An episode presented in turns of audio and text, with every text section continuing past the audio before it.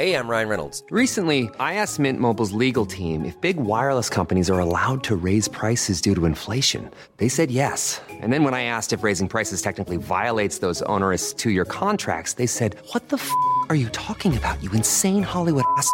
F- So to recap, we're cutting the price of Mint Unlimited from $30 a month to just $15 a month. Give it a try at mintmobile.com slash switch. $45 upfront for three months plus taxes and fees. Promo rate for new customers for limited time. Unlimited more than 40 gigabytes per month. Slows. Full terms at mintmobile.com.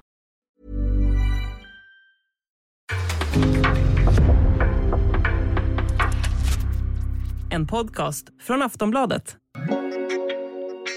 EMs jämnaste grupp. Nåja, åtminstone efter en match. Vi snackar ner Sveriges premiär om valet av trebackslinje, det som oroar en aning och den oväntade målskytten. Nej, det trodde jag väl inte, men eh, det var skönt att det blev så. Så, vad väntar vi på? Nu sparkar vi igång.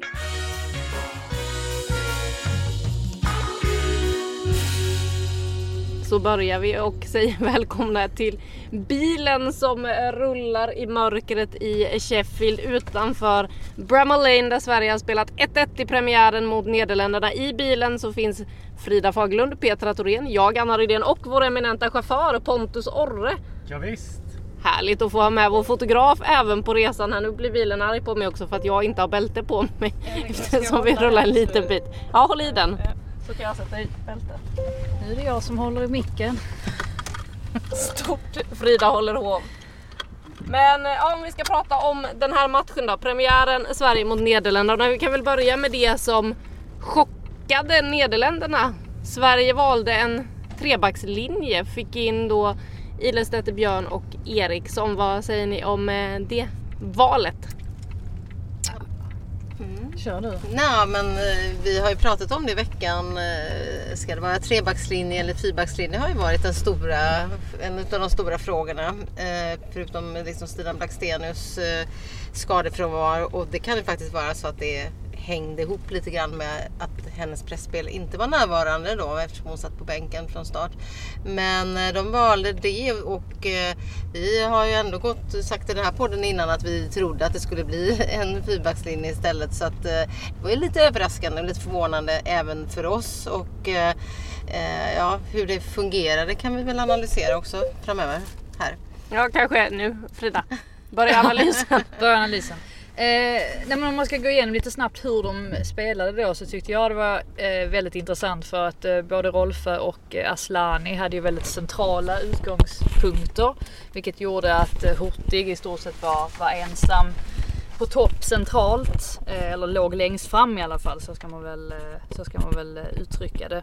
Och det gjorde ju att eftersom att de holländska spelarna inte riktigt vågade gå upp på varken Seger eller Angeldal eftersom att Rolf och Asllani höll sig där. Så gjorde det att någon av dem hela tiden var spelbar för de här tre mittbackarna. Så det gjorde deras liv ganska enkelt ändå för att de kunde spela bollen emellan sig och sen kunde de hitta antingen då Angeldal eller eh, eh, eller seger alternativt då slå en genomskärare vilket Nathalie Björn gjorde vid ett par tillfällen.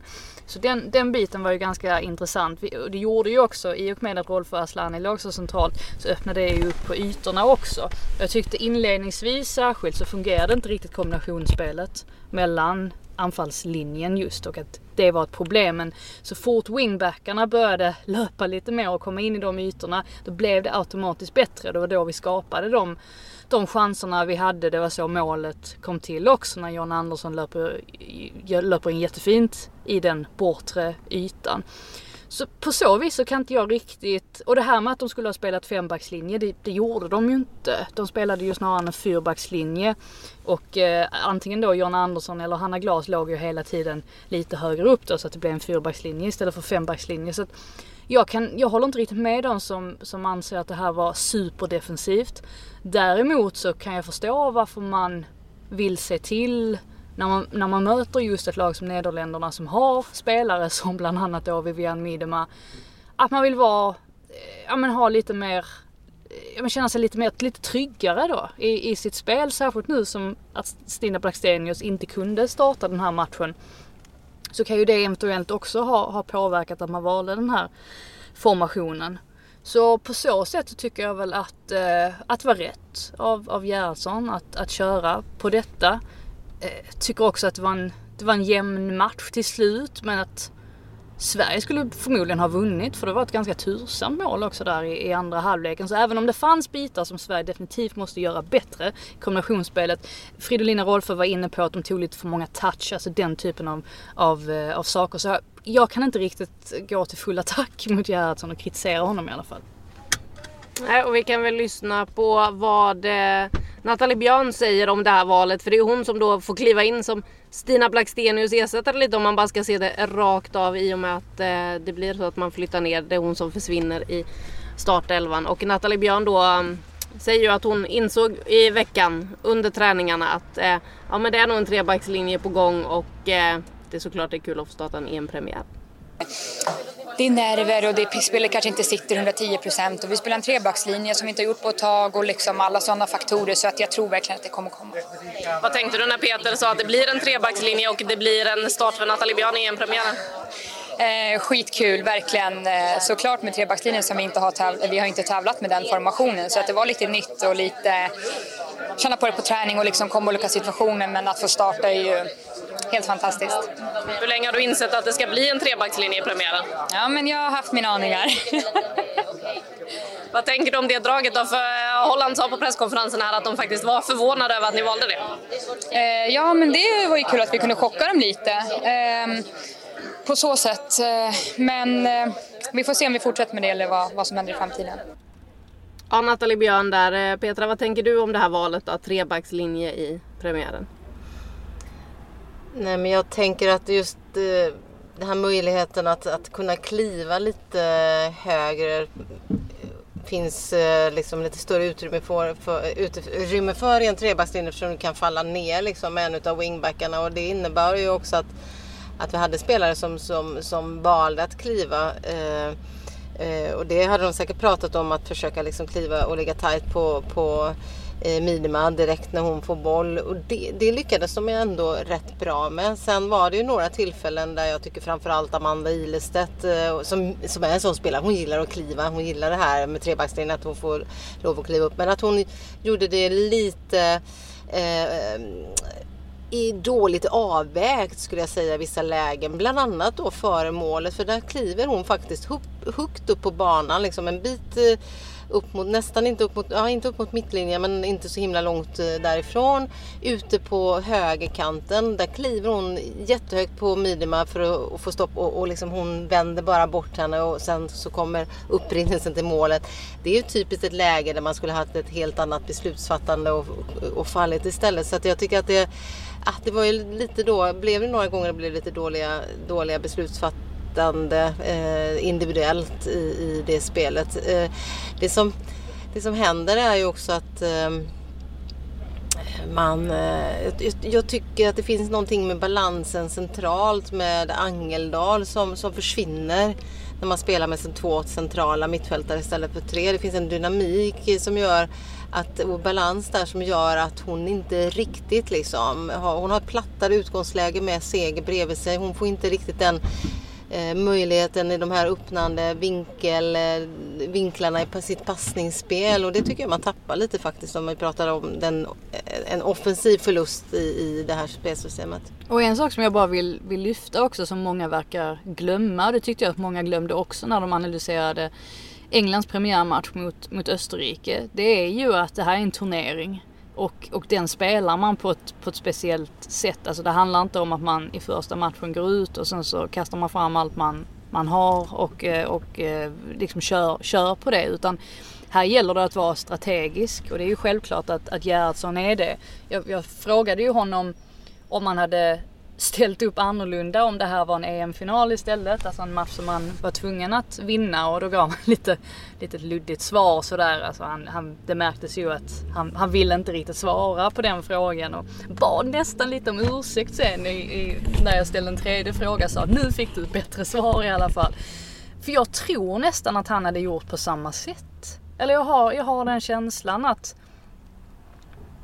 som sagt, alltså det är så små marginaler att vinna en turnering att eh, jag tror helt enkelt att man måste vara smart och inte bli, bli alldeles för naiv.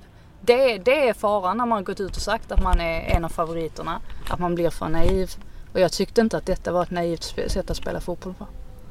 Något man kan komma ihåg också från VM 2019 är vad Peter Gerhardsson pratade om där, nämligen i ett mästerskap så handlar allt om att vinna den sista matchen. Han har många sådana såna för sig. Det är ju sant. Mm.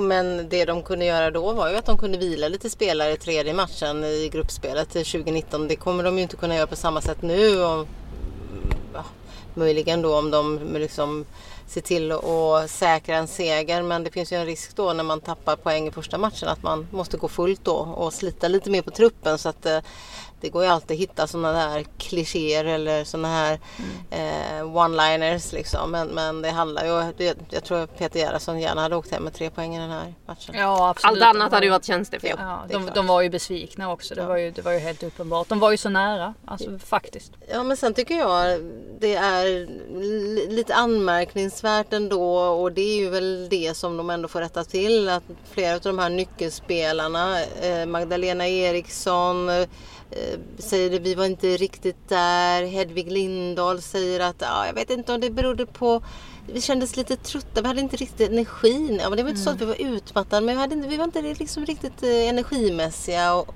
Caroline Seger säger att de kluddar på bollen för mycket. Fridolina Rolfö säger att det är långsamma, för mycket långsamma beslutsfattningar. Och det tycker jag är lite så här, det är en väckarklocka som de får ta till sig däremot. De har, de har legat på lyxresort, de har legat i Båstad och så kommer de hit och spelar premiären och inte påkopplade. Och det kan ju ha att göra med, som vi pratade nyss här då innan vi drog igång bandspelaren, att jag menar Holland kommer med tre matcher i, under sin samling inför EM. Sverige har spelat en. Mm. Getting engaged is a moment worth cherishing. A one-of-a-kind ring that you design at Blue Nile can help your love sparkle. Just choose your diamond and setting. When you found the one, you'll get it delivered right to your door. Finding the right engagement ring can be nerve-wracking. At Blue Nile, you'll have the expert guidance needed and a diamond guarantee that ensures you're getting the highest quality at the best price. Cherish all of life's moments and save up to 30% at BlueNile.com. That's BlueNile.com. Och det är ju också ett gäng eh, som några av spelarna var inne på. Många av dem kommer från att deras serie slutade för ett tag sedan. Det var ganska länge sedan flera av dem var inne i det här kontinuerliga tävlingsmatchandet. Vi pratade ju om det även efter Brasilien-matchen där att det blev så tydligt när Johanna Rytting Kaneryd och Olivia Skog kom in på planen. Inte för att de som fotbollsspelare kanske är så mycket bättre än de som var där innan men det är två spelare som kommer in med matchtempo i kroppen. Vilket gjorde att det syntes verkligen att de hade farten i sig då. Hur mycket kan det spela roll? Ja, nej, men det kan säkert eh, spela roll såklart. Alltså det jag gillade med sista delen av matchen det var att båda förbundskaptenerna faktiskt gick för det. Alltså det var inte som att man klev ner och, och försökte liksom, eh, ja, men skydda den här poängen. Och jag tycker det indikerar ju att man kände, eller båda lagen kände att här kan vi faktiskt vinna matchen. Så det tycker jag är, är positivt. Jag tycker också det är väldigt positivt att Stina Blackstenius verkar vara startklar till, till nästa match. Skönt att känna att jag kunde spela 30 minuter helt utan, helt utan problem idag. Så det, det känns hoppfullt och de här dagarna som kommer nu känns också otroligt viktiga för, för kommande match och kunna jobba upp kroppen ytterligare och, och, och sikta på ännu fler minuter i, i bästa fall.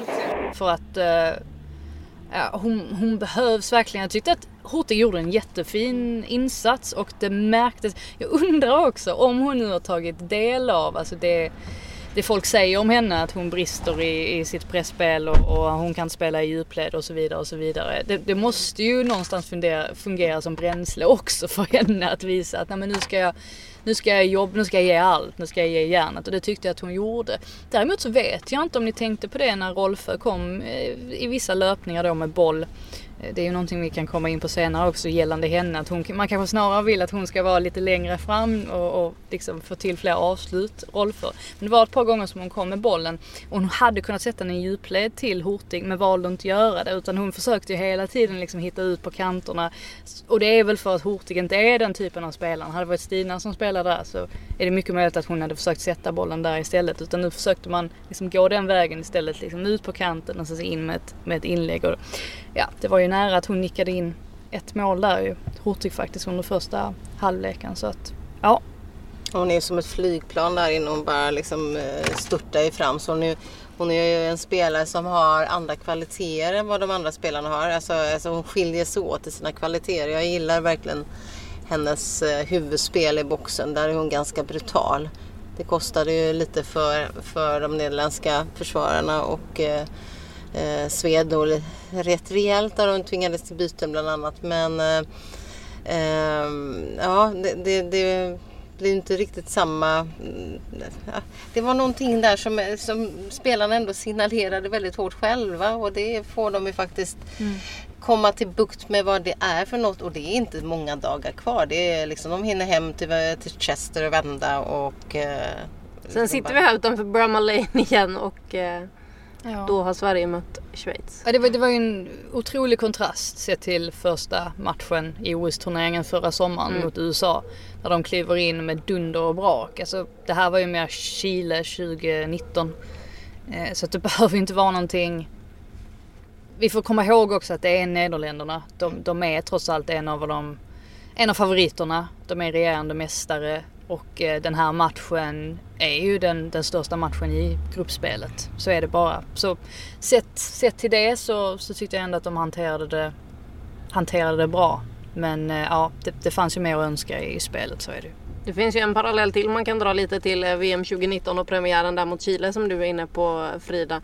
Nämligen det här med långa avbrott för den första halvleken tog ju nästan aldrig slut i och med eh, alla skadeproblem det blev på, eh, för Nederländerna då som ju Caroline Seger var inne på att ja nej men det kostade ju såklart mer för dem men det drog ju ner väldigt mycket på tempot. Det var svårt att få upp tempot i den första halvleken med alla avbrotten som var. Och eh, ja, Seger var inne lite också på att det blev ju några i andra också. Jag vet inte om de bara satte sig ner. Mm. Oj, men den mm. en liten pik. en liten pik eller Ja, den, den, har vi missat. Det sa hon i din eh, mikrofon. Den avslöjar jag här ja.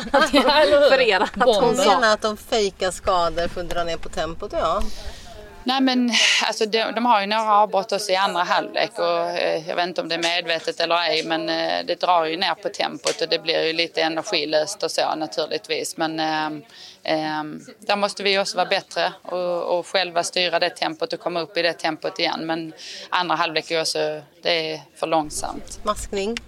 Och var också inne lite på att eh, de kanske var nöjdare då med poäng. Hon tyckte att de lite lav efter sitt snöpliga mål som hon gillar att referera till det som. Vi ska prata mer om det målet som Sverige släppte in alldeles strax. Men vi ska börja med att prata om det som kanske var kul för nu har vi låtit ganska negativa ändå så här långt. Det blir en poäng ändå i premiären. Jag ändå jag är, är jag inte lite positiv? Jo du är lite är positiv. Lite Ja. Mm. Hoppfull. Hoppfull. Det kanske är bättre. Mm. Optimistisk. Mm. Ja. Det är Frida denna kväll.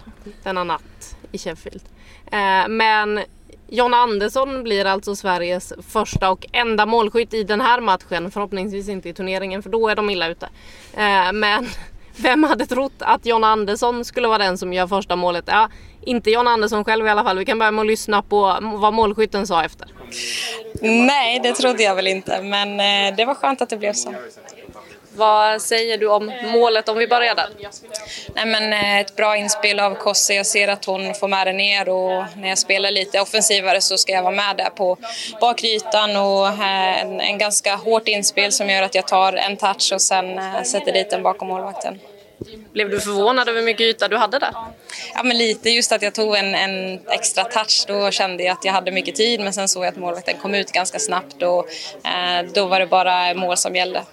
Ja, John Andersson alltså som eh, ju gjorde en fin match. Det var ju också hon som slog det där inlägget som du var inne på som Hurtig kanske borde gjort mål på eller där hon hade sin bästa chans. Det kommer ju också från den där vänsterkanten. Vad säger ni om Jonnas insats idag?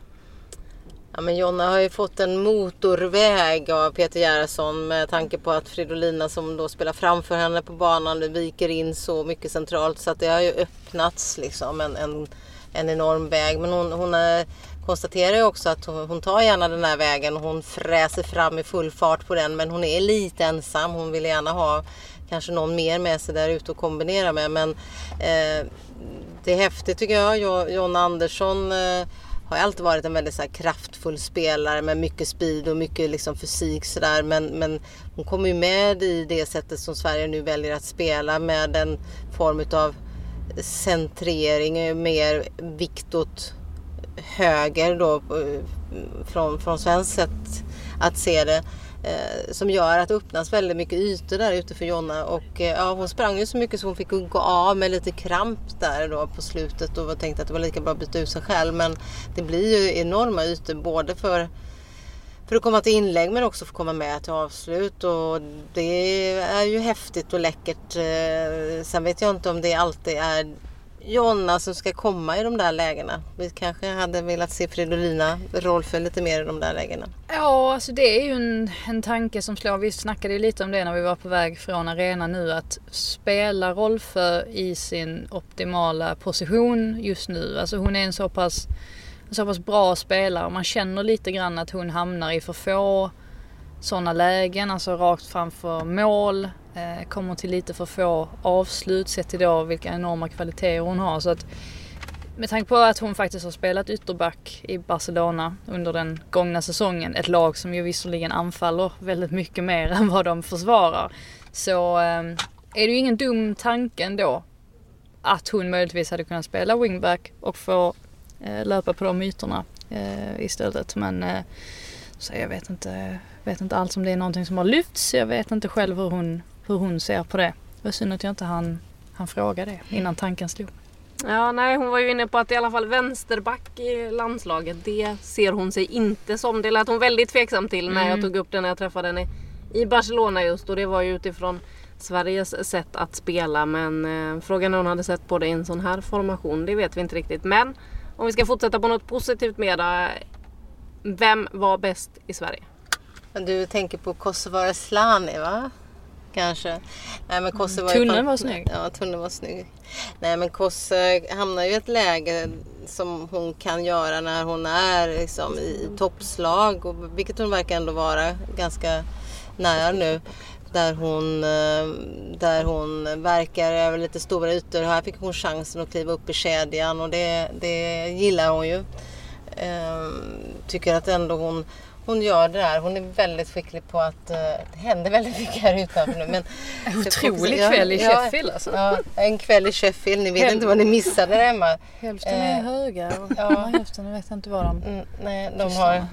Ja, vi vet inte vad som händer. Vi ska inte gå in på det för djupt. Men, men, men Kosovare eh, jag tycker både att hon eh, liksom klarar av att hålla i boll väldigt väl. Hon klarar av att kombinera. Men kanske blir som allra bäst när det går i en hög fart. Om vi ser till det målet som, som, som Sverige gör då så är det ju Kosse som liksom drar upp den löpningen. Hon får bollen ute på kanten. Hon gör tunneln. Och sen istället för att sätta den mot första stolpen där Lina Hurtig kommer störtande så sätter hon den förbi. Hon vet att Lina drar med sig en eller två spelare. Sätter den förbi till Jonna Andersson som nästan, hon var helt fri på bakrytan, Eh, lite förvånad nästan att hon fick den också. Men, men det tycker jag är ju eh, hög spelintelligens utav Kosovare Asllani. Ibland blir det kanske lite för, för småtråcklande dock. Ja, nu börjar bilarmen gå här i Sheffield Ja, också. det känns eh, cirkus tryggt. alltså. Cirkus eh, utanför Bramall Lane i alla fall. Inte så mycket cirkus inne på kanske. Är det något mer ni känner att ni vill ha sagt innan vi avrundar den här podden som vi alltså bara använder för att debriefa Sverige-Nederländerna som slutade 1-1?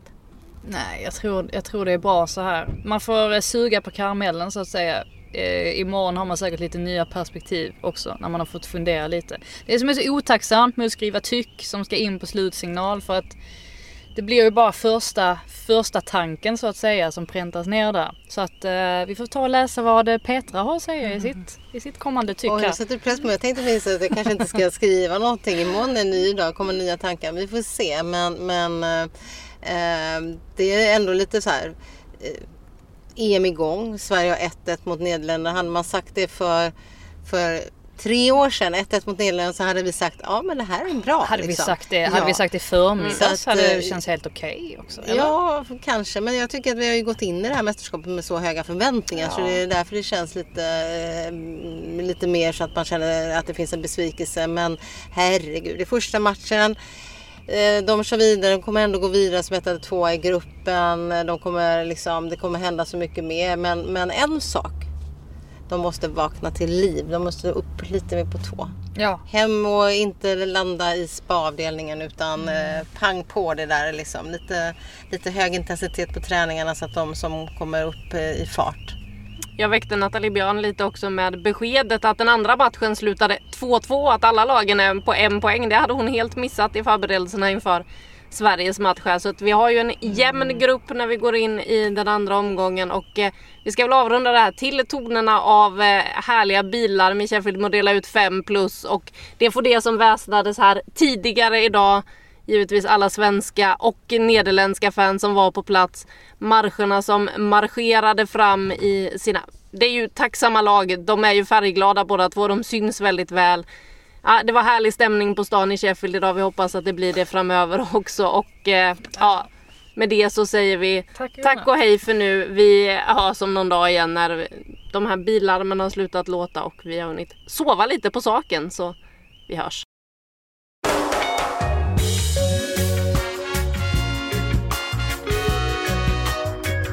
Du har lyssnat på en podcast från Aftonbladet. Ansvarig utgivare är Lena K Samuelsson.